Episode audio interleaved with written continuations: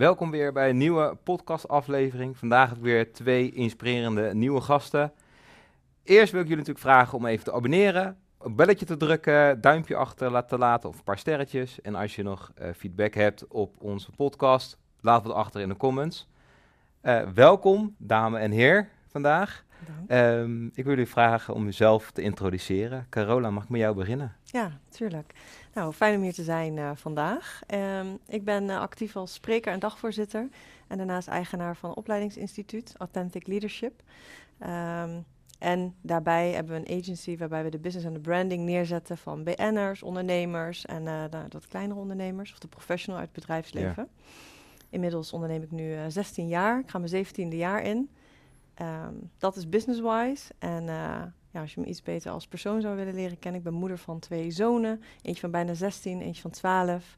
En als ik niet aan het werken ben, dan uh, ben ik heel graag aan het sporten. Dus ik heb jarenlang gekickboxd en ik dans graag salsa, bachata. En ik ben heel graag in de natuur te vinden. Oké, okay, dankjewel voor je introductie. Uh, Pieter, mag jij het woord Ja, leuk hier te zijn. Bedankt voor de uitnodiging. En leuk Carola weer te zien. Uh, Pieter Kobelens, uh, tot 2011 bij Defensie gewerkt, 40 jaar lang. En daar afscheid genomen als uh, generaal en directeur van de Militaire Inlichting en Veiligheidsdienst. In die tijd werd het erg duidelijk dat cyber een, iets nieuws was waar we wat mee moesten voor de veiligheid ja. van ons land. En hebben besloten me daarmee bezig te houden. En sindsdien ben ik alweer een jaar of 12, 13 strategisch adviseur bij diverse bedrijven, voornamelijk Nederlandse bedrijven. Ja. En bij voorkeur met cyber en cyberveiligheid bezighoudend. Ik geef lezingen via de Speakers Academy. Ben af en toe terug te vinden in het wetenschappelijke televisieprogramma Vanavond in Zuid. En uh, zo nu en dan wat interviews bij, uh, bij de radio om te duiden wat er in Oekraïne, Israël gebeurt. Ja. Of op het gebied van terreur. Of zoals van de week uh, de toestand rond Assange of Navalny. Daar wordt voor gevraagd. En dat houdt mij van de straat als oudere man. Dus ik moet voortdurend bijlezen. Vader van drie kinderen, grootvader van elf kleinkinderen, twee honden en ik heb een hartstikke leuk leven. Ja, gelukkig. Um, ik wil jullie heel graag de allereerste stelling voor gaan leggen van vandaag. -huh. En die luidt, vrouwelijke leiders zijn beter dan mannelijke leiders. Dan wil ik toch bij Carola beginnen. Hoe kijk jij daarnaar? Um, ja, nou ja, uit heel veel onderzoek is natuurlijk gebleken dat uh, vrouwen bepaalde uh, vaardigheden bezitten, over het algemeen, die belangrijk zijn in het leidinggeven, waar ja. het uh, vaak toch wel bij de mannen net wat aan, schort. Ik denk eigenlijk, maar goed, dit is dan nu de stelling, hè, maar dat het helemaal niet zo relevant is of het nou een man of een vrouw is. maar dat is best wel altijd gewoon een topic ja, binnen onze maatschappij. Ja. Ik denk dat diversiteit eigenlijk daarboven zou mogen staan, ten opzichte van of we een onderscheid maken tussen man en vrouw. Maar ik denk wel als het aankomt op dus deze stelling en mijn uh, mening daarover, dat ja, als het bijvoorbeeld gaat over een stuk empathie, het goed kunnen luisteren, echt tussen de regels door kunnen luisteren, uh, wat meer het op lange termijn uh, plannen, dat vrouwen daar wat beter in zijn dan mannen. En ook als je kijkt naar, uh, naar, naar, de natuur, naar het opvoeden van onze kinderen. En bijvoorbeeld ja. het leading by example. En wij als moeders toch wat meer ons bekommeren om onze kroost en, en ja. de opvoeding uh, voor onze kiezen krijgen. Ja, dat wij daar toch natuurlijke uh, leiders in zijn ten opzichte van de mannen. Dus misschien hebben we daar wel een klein streepje voor. Ja, hoe kijk jij naar Pieter? Ja, ik kijk er anders naar. Ik kijk waar is leiderschap eigenlijk voor bedoeld. En daar redeneer ik graag terug. Leiderschap is bedoeld om mensen iets te laten doen wat ze zonder jou niet gedaan zouden hebben. En in principe maakt het geen bal uit of dat een man of een vrouw is, vind ik. Um, ik denk dat daar het verschil ook niet ligt. Want als je het goed wil doen, dan de doelstelling is dat je mensen beïnvloedt om dingen voor jou te laten doen. Ja. Dan moet er een goede relatie tussen de leidinggevende en de onderhebbende, of degene die voor je werk uh, plaatsvinden. En dat moet altijd de beste zijn. En uh, daar is ook heel veel onderzoek naar gedaan. Daar is niet echt chocola van te maken of nee. dat nou per se man of per se vrouwen zijn. Dus ik denk dat dat onderscheid wat mij betreft niet is. Ik heb uh, in de 70 jaar de vrouwen binnen zien komen bij de krijgsmacht. Dat was heel griezelig. Je had 24-7 diensten met ja. uh, twijfelachtige boekjes op de tafel en foute films ja, en, en alleen herentoiletten. Dus daar is heel veel uh, veranderd. en wat mijn ervaring toen was, toen had je meer van die wat wij manwijven noemden. Vrouwen die uh, ja, niet getrouwd, uh, wilden graag in dienst zitten. En nu hebben we te maken met dames die gewoon een carrièrewens hebben. die bij, wat mij betreft bij voorkeur moeder zijn. En die ook wel moeten laten zien dat ze zoveel verstand en kennis hebben dat ze goed leiding kunnen geven. En is de laatste vergelijking die, die, waar je wel onderscheid in ziet, de methode van aanpak een vrouwenhand zorgt ervoor dat de omgeving een stuk natuurlijker wordt. En dan ja. niet, hoeft niet per se leidinggevend te zijn. Als er een betere verhouding is tussen man en vrouw, dan krijg je wat relaxtere en wat fijnere uh, sfeer. Dan dat je alleen met mannen, of zoals vrouwen dat er vaak uh, betogen, dat als ze alleen met vrouwen werken, dat het meestal een rommeltje wordt. Meestal staan ze zich op voor dat ze heel goed met mannen overweg kunnen. Ja, nogmaals, ik zie het verschil niet. Maar kan natuurlijk ook zijn, ik heb drie zussen en twee dochters. Eh, het zijn gewoon top, top, leuke mensen, bent gewend. En uh, ik zit nog met een vrouw aan tafel die ik uh, zeer waardeer. En ehm, voor mij gaat het erom datgene waar je aangenomen wordt, net zoals jij dat ook hebt, daar moet je gewoon goed in zijn. En dan maakt het niet uit wat voor kleuren, hoe groot, hoe klein, of je jongen of meisje bent, wat mij betreft. Dus we moeten meer kijken naar, wat wil ik ermee? Het gaat mij altijd om het resultaat, niet om het proces. Ja. Carola, gaat het dan ook gedeeltelijk om respect, wat je hebt als, uh, krijgt als leider, of als je de, dan, dan maakt het niet uit of je man of vrouw bent. Mhm. Maar meer het respect wat je moet, zou moeten krijgen, of uh, van de mensen die jij leidt. Heeft het daarmee te maken ook? ik denk dat respect is iets wat je moet uh, verdienen. Dus niet iets wat je krijgt. Afhankelijk van hoe jij dus met andere mensen omgaat. En um, dat zit hem ook in een stuk wel of niet kwetsbaar kunnen opstellen. Echt de verbinding van mens tot mens kunnen maken. En ben jij een leider die uh, nou ja, alle wijsheid in pacht heeft en het wel weet en op een bepaalde manier heel directief uh, leiding geeft aan zijn mensen, dan zal je veel minder die verbinding hebben. En soms is het nodig hè, om te zeggen: oké, okay, hup en zo gaan we het doen en dit is de weg er naartoe. Um, maar dat wil niet zeggen dat je altijd daarmee het eh, respect verdient en of krijgt. En ik denk op het moment dat je als leider, dus man of vrouw, durft te laten zien: hé, hey, uh, goh, dit is eigenlijk een heel belangrijk besluit, maar ik twijfel of ik weet het nu ook even niet. Of, en niet, niet op het moment als het erop aankomt, hè, maar in een ander moment of in een gesprek met een, uh, met een medewerker. En je durft daarin uh, die openheid te geven, dat dat iets is um, ja, waar de ander zich dan ook in kan herkennen en je daardoor respect kan verdienen. Ja, en denk je dat dat makkelijker is voor vrouwen om kwetsbaar te zijn dan mannen? Of maakt dat eigenlijk niet uit? Um, ik denk dat we dat vaak zeggen en denken. Dat vrouwen zich sneller en makkelijker kwetsbaar kunnen opstellen dan mannen. En, uh, is natuurlijk ook een beetje, als je kijkt naar de opvoeding, uh, hoe dat vanuit de vroeger is ja. gegaan richting, uh, richting jongens en dan dus mannen. Um, mm, ik zie wel een verandering op dit moment in de markt. En ook als ik kijk naar, naar bepaald soort type mannen die zich steeds meer kwetsbaar durven opstellen en daar ook ruimte voor is dan denk ik eigenlijk dat mannen dat net zo goed kunnen als vrouwen. Alleen daar is nooit echt ruimte voor gegeven. Het is wat logischer als je dat vanuit uh, een meisjesrol altijd hebt gedaan, om het dan als vrouw voor te zetten. Um, maar ik denk dus dat het qua vaardigheden maakt het niks uit. Nee. En zie, heb jij, Pieter, heb jij dat in jouw carrière een verandering in zien komen? Dat kwetsbaarheid er meer mocht zijn? Nee, wat mijn, wat mijn ervaring na zoveel jaren is, is dat als je met veel mensen te maken hebt, afhankelijk van de grootte van je organisatie, je zit er wel als leider met de eindverantwoordelijkheid en er moeten beslissingen worden genomen. Iets wat, het, wat in Nederland op dit moment enorm aan mankeert. We praten heel veel. dus ik, ik hoor je zegt, ik wil ze opstellen en dat je mee moet kunnen voelen en mee kunnen wuiven met riet en je draagvlak creëren. Maar we hebben wel een samenleving die steeds sneller gaat, mede dankzij uh, de, de automatisering. in deze omgeving uh, toch niet ja. onbelangrijk. En wat wij nu aan het doen zijn, is we maken de besluitvorming als proces steeds charmanter leuker en socialer, maar ten koste van de snelheid. En als de kosten van de snelheid gaat, dan ga je dat uiteindelijk ga je daar het loodje bij leggen. Dus ook hier kijk ik naar, wat, waarom ben ik überhaupt leidinggevende? Ja. Hoe ik het thuis doe is anders. En als ik leidinggevende ben bij een organisatie, dan wordt er een, een, een prestatie verwacht. En dan moeten er beslissingen genomen worden. En één ding is ook zeker, niet iedereen is het altijd met je eens. En het draagvlak, dat hangt er vanaf. Als je zegt, jongens, we gaan failliet volgende week, laten we het er met z'n allen even over hebben. Ja, denk ja, volgende week ben ik ontslagen, daar hoef je geen draagvlak voor nee. te creëren. Um, je krijgt het het, meest, het meeste mee als, uh, als er organisatiewijzigingen zijn. Dat vindt iedereen verschrikkelijk. Mensen hebben een hekel aan veranderingen. Maar ja, als je een organisatie niet wijzigt, dan ben je, moet je bij IBM zeggen dat we ja. niet meedoen aan de nieuwe veranderingen. Dat het AI maar zit, dat is niks voor ons dan ben je failliet over een tijdje. Dus dat kun je niet permitteren. Dus in, in je werkomgeving moet je altijd voor ogen houden, vind ik, dat je als leidinggevende beslissingen moet nemen. En dan moet je maar op de koop toenemen dat niet iedereen je daarna leuk vindt. En we willen altijd graag leuk gevonden worden. Ja. Dus alle mensen van, nou daar snap ik allemaal geen bal van. Ik vind niks. Mijn ervaring is dat mensen liever hebben dat je een beslissing neemt. En zelfs al is de verkeerde, dan dat je maar door blijft praten. En met draagvlak en maar proberen te overtuigen. En nog maar eens een keer een andere invalshoek. mijn ervaring is dat dat na een tijdje gaat dat niet goed. Nee. En dan heb ik dus niet over oorlogsomstandigheden, want je maakt terecht het onderscheid. Als je leidinggevende bent bij een organisatie, geldt voor die organisatie, maar zeker bij Defensie dan heb je in, in beginsel participatief leiderschap. Dat betekent iedereen moet zijn beste inbrengen. Je hebt je personeel niet voor niks. Dat zijn geen, uh, geen slaven. Nee. Die moeten hun gedachten prijsgeven. Daar moet je chocola van maken. En als iedereen het elkaar eens is, is het mooi. Maar dat lukt meestal niet. En dan moet er wel een beslissing worden genomen. En dat is, uh, als je dat eenmaal gedaan hebt, dan het respect waar we het net over hadden, dat krijg je als je beslissingen neemt die ook nog goed uitpakken. Nou ja, als je het met elkaar doet, dan is, dat pakt het meestal goed uit, kan ik je uit ervaring uh, meedelen. Dan krijg je ook het respect.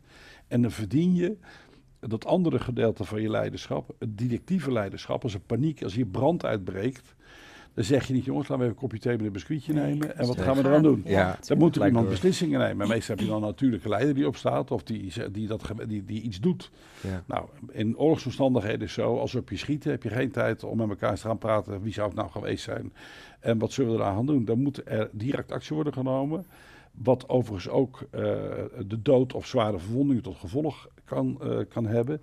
En toch nemen die mensen het risico omdat ze je vertrouwen, je het respect ja. hebt verdiend in dat participatieve gedeelte. Dus het gaat niet alleen om respect, maar het gaat ook om geloofwaardigheid. Mm -hmm. nou, als je voortdurend foute beslissingen neemt, dan kunnen ze je nog zo aardig vinden. Maar dan zeggen ze na een tijdje toch, want een koekenbakker die ja. zegt, dat was een slecht hoor. Als je onderzoek doet naar mensen, wie vond je nou de beste bazen bij Defensie? En dan maak je een, geen onderscheid tussen man en vrouw. En uh, 80 tot 90 procent komt op dezelfde naam uit. Terwijl de ene een houtdegen is en de ander een heel sociaal figuur. Ja. Maar het gaat altijd om mensen die succesvol zijn in de manier waarop ze leiding geven, beslissingen nemen en natuurlijk ook hun eigen uh, mensen daarbij betrekken. Um, maar hoe zou je ook mensen kunnen leiden op online ge, uh, gebied, via gedrag? Teams. Via Teams, maar ook via zeg maar, op LinkedIn of op uh, Instagram. Want daar ben je ook een leider. Daar moet je ook een voorbeeld laten zien hoe je bent en hoe je zou moeten zijn. Ja. Kan je dat als leider ook laten zien online? Of is het echt alleen maar puur onderling als team aansturen, fysiek bij elkaar komen? Nee, ook online. Dat absoluut. Offline, online is daarin hetzelfde. In die zin dat het woord wat Pieter net gebruikte, geloofwaardigheid, is dan heel belangrijk. Dus hoe jij je uh, vertegenwoordigt in offline leven, is dat dan ook online? Dat moet hetzelfde zijn. Ehm, daarmee heeft het ook te maken als je het hebt over, je zegt net bijvoorbeeld Teams, maar dan heb je natuurlijk gewoon de interactie met je mensen, dus dat is weer een ander verhaal. Maar je hebt het ook over LinkedIn of Insta, dan heb je het over Ja. content die je dan brengt, die moet geloofwaardig zijn, op een bepaalde manier kunnen beïnvloeden op een positieve manier. Ehm, maar ook daar weer vanuit een verbindende factor, je, je doelgroep, je mensen Ja. of je medewerkers daarin mee kunnen nemen. En wat ik vaak eh, tegenkom in het bedrijfsleven, is dat als ik dan wordt gevraagd om advies te geven als het gaat hierover en over een stuk ambassadeurschap en branding van Ja. die organisaties, ehm, dat bijvoorbeeld de directie eh, niet zichtbaar is en dat de directie Ja. het verhaal niet vertelt, maar dat wel verwacht van de mensen. En dat de mensen dat moeten gaan doen als ambassadeur en die moeten voor het succes zorgen. Daar is het best wel een belangrijk eh, punt. Ook daar weer is het dat goed voorbeeld doet volgen. Ja. Ehm, en dat het ook best wel spannend is om dat online, om online zichtbaar te worden. En Ja. ja. hoe kan je dat vragen van je mensen als je dat zelf dan niet eh, wil of niet doet? Dus ik denk dat het altijd belangrijk is om daarin een voorbeeld aan te stellen die daarin wel nou ja, het pad eh, bewandelt en die eigenlijk gewoon de rest daarin meeneemt. Ja, want is het als leider, en dan maakt het dan even niet uit of je man of vrouw bent natuurlijk, maar hoe belangrijk is het in eh, dat je je gedraagt als coach, als, als mentor voor een persoon om, naast dat je het voorbeeld moet geven, maar dat je ook een, an- ander kan stimuleren om, om bepaalde stappen te nemen? Hoe belangrijk is dat? Ja, nou goed, dat is, wat is de sociale interactie met je directe omgeving hebben we het dan over? Ik vind als je op je, dat werk en privé duidelijk van elkaar moet gescheiden. Je hoeft niet met iedereen getrouwd te zijn om te kunnen samenwerken. Je hoeft mij niet leuk te vinden. Nee. Ik neem jou, terwijl ik je niet leuk vind, bijvoorbeeld omdat je hele goede eigenschappen hebt, dan moet ik zorgen dat ik al die verschillende mensen aan elkaar kan plakken om weer diezelfde reden. Ik zit er met een doel. Ja, Ik zit of om geld te verdienen voor de aandeelhouders, of ik zit er om een eh, operationele eenheid uit te kunnen zenden naar Irak. Altijd naar kijken, waarom zit ik hier? En dat geldt ook voor een teamsvergadering. ja, Gelukkig heeft Teams één heel simpel ding, dus je moet een bepaalde tijd inloggen en daarna flikkert die gewoon uit. Bij een vergadering eh, live blijft, wil iedereen toch een keer iets gezegd hebben. Ja. Die vergaderingen in Nederland die lopen altijd uit. Iedereen wil wat gezegd hebben. Dus ook daar, in beide gevallen, is voor mij eh, relatief simpel. Ik vertel waarom, als ik de baas ben over die vergadering. We zitten hierom. Dus aan het einde van het gesprek bij Teams moeten we weg zijn maar ik zeg ook bij vergadering om twee uur is het afgelopen. Ja. En dan moeten we dit hebben. Dus eh, eh, we hebben een agenda samengesteld. Zijn het er allemaal mee eens? Zijn dit de stappen om daartoe te komen? Maar ik wil de deur uit met een oplossing. Of ik wil de Ja. deur uit met een vervolgvraag. Dan indoctrineer je mensen al van ja, geen slap gehouden hoor. Als je niks hebt bij te dragen, hoeft niet. Ja, Maar ik wil dat dat uiteindelijk eruit komt. Dan zitten we voor Jan Joker met elkaar. We zijn enorm goed in praten. Iedereen Ja. gaat naar buiten bekken. Wow, vier uur vergaderd. Ja, Ja. wat Staat heb je bereikt? ja. Ja. niks. Bovendien met heel veel kostbare tijd kwijtgeraakt. Die je aan andere dingen had kunnen besteden. Dus ik begon met het sociale interactieverhaal. Ik hoef niet leuk gevonden te worden. We zitten bij elkaar. Ik hoef ook geen familie. Ik hoef ook niet iedereen zijn persoonlijke omstandigheden voortdurend te weten. Tenzij ik merk dat het met iemand niet goed gaat. Of iets Ja. kwijt wil. Heb ik er zeker interesse in. Als ik kan helpen, kan ik het zeker doen. Maar ik hoef niet van iedereen te weten wat hij allemaal doet. Ik hoef er ook geen familie van te worden. Ik hoef ook geen vrienden te worden. Eh, en als het een wat vriendschappelijke omgeving wordt die daaruit ontstaat, prima, fijn. Dat werkt, eh, dan krijg je makkelijke teamvorming. Eh, maar je moet ook afstand kunnen houden. Je moet ook tegen jou kunnen zeggen, je bent vier keer goed gegaan, maar dit was kloten. Ja, Dus daar moeten we toch eens even over praten. En je moet, dat, het allerbelangrijkste voor leiderschap is eerlijk en duidelijk zijn naar de mensen die boven je staan, maar ook beneden. Als je consequent in bent, dan maak je het voor jezelf heel erg makkelijk. Ja. En je weet na een tijdje dat mensen, er zijn mensen die je wel leuk vinden en mensen die je niet leuk vinden. Dat maakt me ook allemaal niet uit als ze me wel bijdragen aan datgene waarvoor we er zitten. ja, Anders gaan ze weg. Of ik moet weg. Ja. Als je het niet simpel houdt, dan wordt het steeds complexer. Dan zijn we ons alleen maar dat proces mooier aan het maken. Ze doet dat social branding. Nou, daar kun je enorme lulverhalen over houden. Ik denk, ik weet bij god wie het over gaat. Dat doet ze hartstikke goed. Tenminste, ze hebben ik leren kennen. Ja. Is het eerste boek over geschreven. Eh, maar zij moet ook oppassen als je voortdurend in een omgeving bent... dat je met mensen vooral de zachte kant benadert. Die zachte kant wordt steeds groter. Je krijgt steeds meer leuke interactie. Ja, maar wat kan ik hier nu morgen mee? Ik moet geld verdienen. Kost geld, kost tijd. Wat kan ik? Dus vooral mensen die zich met dit soort processen bezighouden... moeten zich proberen te beperken en het zien in het verlengde van... er moet een product geleverd worden. ja. En je hoeft niet alle keer mensen alleen maar blij te maken. Dat is onzin. Ze Nee. werken het gewoon niet, thuis ook niet. Nee, ja, dat is ook wel weer een feit natuurlijk. Maar Carole, ik vraag me ook af, wat voor eigenschappen zouden leiders moeten hebben naast eerlijk zijn Mhm. en oprecht, maar wat voor andere eigenschappen zouden ze nog meer moeten hebben? Ja, dat ga ik zo beantwoorden. Ik heb nog wel een aanvulling even op het, eh, op het tuurlijk. verhaal van Pieter. Want ik denk wel dat bijvoorbeeld het stuk ehm werknemers trots, omdat je net vroeg inderdaad over hè, het, de voorbeeldfunctie en als je op een, op een social eh, jezelf vertegenwoordigt, maar ook intern in de organisatie. En op het moment dat mensen niet gelukkig zijn op hun plek eh, in binnen de organisatie, Ja. waar we daar geen oog voor hebben. En we, dus ik ben ook echt wel heel erg resultaatgedreven en ik ben het helemaal eens met wat Pieter zegt. Aan de andere kant denk ik dat, stel dat ik leider zou zijn van een grote organisatie en ik zou 150 mensen hebben, ik zou zeker ruimte bieden voor eh, ieders persoonlijke verhaal en juist wel wat er thuis speelt. Omdat ik denk dat er is niet meer zo'n scheidingslijn tussen thuis en werk. En dat is er soms nog wel, maar dat zou het Ja. eigenlijk niet moeten zijn. Want op het moment dat jij thuis shit ervaart, of je ligt in scheiding, of het is kut, of je hebt een, een ziekte thuis waar je mee te dealen hebt, en je neemt dat mee naar je werk, maar er is geen oog voor, of er zou geen oog of ruimte voor zijn. Het werk moet wel gedaan worden, dat hou je even vol. Op een gegeven moment ga je nat. Ja. En, ehm, en dat, dat, ja, ik krijg dat nog wel te, te vaak terug in grotere organisaties, dat daar te weinig ruimte voor is. En dat we eigenlijk dan, eh, ik had gisteren nog een telefoongesprek met een HR-dame en ze zei, goh, ik heb nu ben ik die opleiding aan het doen. Zij wilde dus coach worden, want ik kon je dat woord net ook al even gebruiken. En ze zei, ik heb een fout gemaakt in de afgelopen twee jaar, waarbij een persoon thuis heel veel heeft meegemaakt. En ik heb er eigenlijk, hebben wij als organisatie daar nooit naar gevraagd, niet bij stilgestaan. Zij zit nu uiteindelijk eh, thuis met een burn-out. Dat had, was misschien sowieso wel gebeurd. Alleen ik denk dat dat stuk wel belangrijk is. Dat we, Ja, nou, maar dat dat ga ik je toch een beetje interruperen. Dat Ja. kan nog net.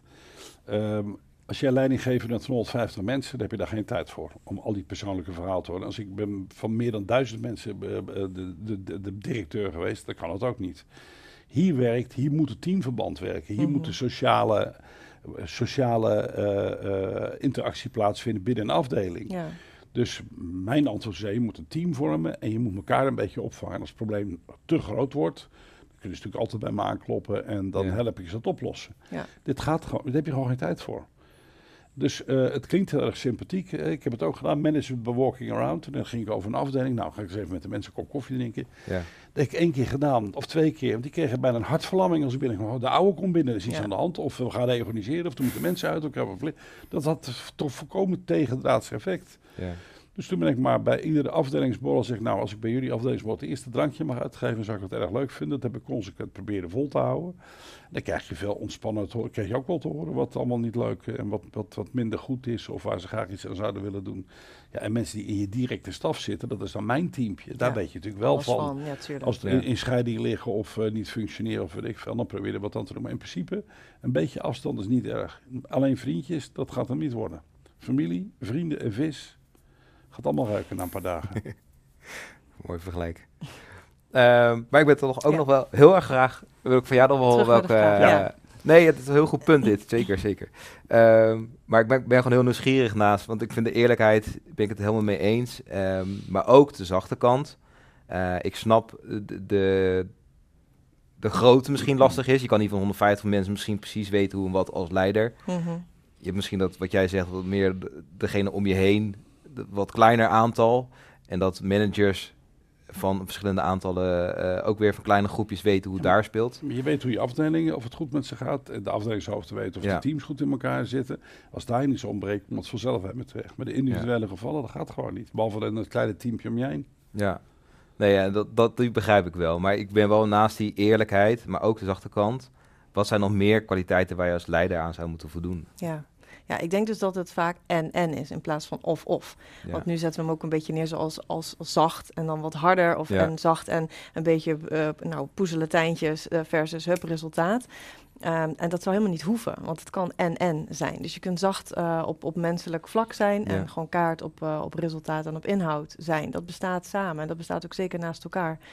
Wat ik denk wat belangrijke eigenschappen zijn, is ja, toch wel met stip op nummer één empathie. Uh, als je geen empathisch vermogen hebt, dan wordt het heel moeilijk om uh, op een goede manier leiding uh, te geven en om je mensen daarin in mee te nemen.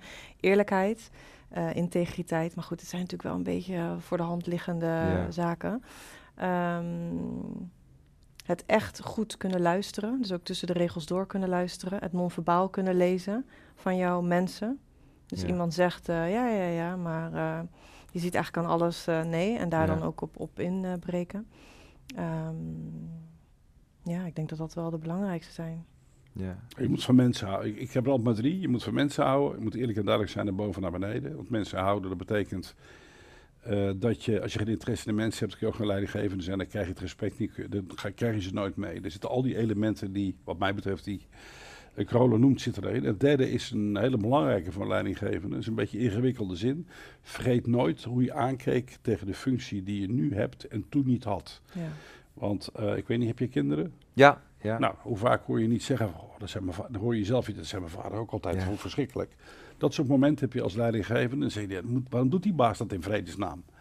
Nou, als je dat kunt herinneren als je in zijn positie zit, dan weet je dat dat een communicatiemoment is. Want op dat ja. moment denken jouw mensen hetzelfde over jou. Dus als je dat goed onthoudt, dan haal je heel veel nadigheid en kou uit de lucht. Ja, dat is mooi. En die drie dingen, dat zijn, uh, daar kun je honderden aftakkingen onder zetten. Maar uh, ik heb bestuurskunde gestudeerd, was leiderschap een apart vak. Nou jongen, dat ik werden schema's neergezet. Dat ik dacht, ik ben gewoon dom, ik snap daar helemaal niks van. Het zijn echt maar drie dingen. Ja. En, en kan, ik onthouden, kan ik net onthouden, drie. Ja, wat ik ook een mooie vond, is de eentje die je uh, um, in jouw podcast uh, hebt genoemd. Uh, ja is dat je moet zorgen dat je laatste functie die je doet, je leukste functie is die je hebt gedaan. En ik denk dat dat ook wel uh, op alle punten dan gelijk ook uh, inhaakt. Maar in het begin is dat niet zo. Hè? In het begin dat je, eh, je loopt altijd in het begin als je een nieuwe functie krijgt op je tenen. En als je het goed doet ook, dan krijg je een nog moeilijkere functie dan jij denkt dat je aan kunt. Ik heb als echt met mijn, ik had toen nog haar, met mijn handen in het haar gezeten. Dat er moesten even 5000 man worden teruggetrokken uit Duitsland. Moest een nieuw onderdeel op de peel komen. Dat met mijn projecten binnen drie maanden moest plan worden ingeleverd. Hier heb je kantoor, er stond niet eens een bureau in. Ik had zo'n stapel papier. Ik dacht, jezus. Ik heb allerlei cursussen gehad en weet ik veel. En ik, nou, dus ik die grote stapel te kijken. Wat, ga ik niet, ga, wat voor management ga ik hierop toepassen? Ik denk, nou weet je wat, ga eerst een bureau regelen en een telefoon en een stoel en iemand die me een beetje kan helpen. En toen heb ik, uh, na lang nadenken, heb ik een heel ouderwets principe uh, gehanteerd. Ik ben bovenaan begonnen met lezen. Ik denk, ga niet in de weg dat ik alles gelezen heb en is klaar. Ik had er geen andere... En naarmate je verder leest, oh dat weet ik, dat heb ik al eens eerder ja. meegemaakt dan kikt je geheugen in, dan kikt je ervaring in. Dan maak je daar plakjes van en dat zet je uit. En dan voel je steeds comfortabeler en dan krijg je ook steeds meer zelfvertrouwen. Ja. En dan ga je het ook leuk vinden. Want het nadeel van als je altijd hetzelfde doet, als je iets vijf jaar doet, Ja, dan gaat de organisatie naar je hand staan. Mm. En dan gaat iedereen met je meedenken. Oh, dat vind ik Ja. generaal niet leuk. Dan mis je dus dan mis je informatie. Dus vijf jaar vind ik de maximale houdbaarheidsdatum. En voor ondernemers die vragen altijd... ja, maar ik moet mijn onderneming nou verkopen? Nee, natuurlijk niet. Maar dan wordt het tijd dat je misschien gaat fuseren... of een ander product erbij neemt... of een ander gebouw of andere mensen. Ja. Als je jezelf niet probeert te vernieuwen... dan kak je in. Dan wordt het Ja. niks. En dan ben je eh, misschien wel zeer gerespecteerd... Maar dan krijg je zo, ja, dat is een hele fijne baas, maar het is wel tijd dat hij nou eens een keer, eh, oh god, hij wordt wel oud zeg. Nieuwe input. Ja, nou, dat is, je mist dan, die verbinding die leg je niet één keer, die moet je elke keer herbevestigen. Ja. Van beide zijden. Ik wil jullie heel erg bedanken voor het beantwoorden van deze stelling. En ga ik jullie meenemen naar de tweede stelling.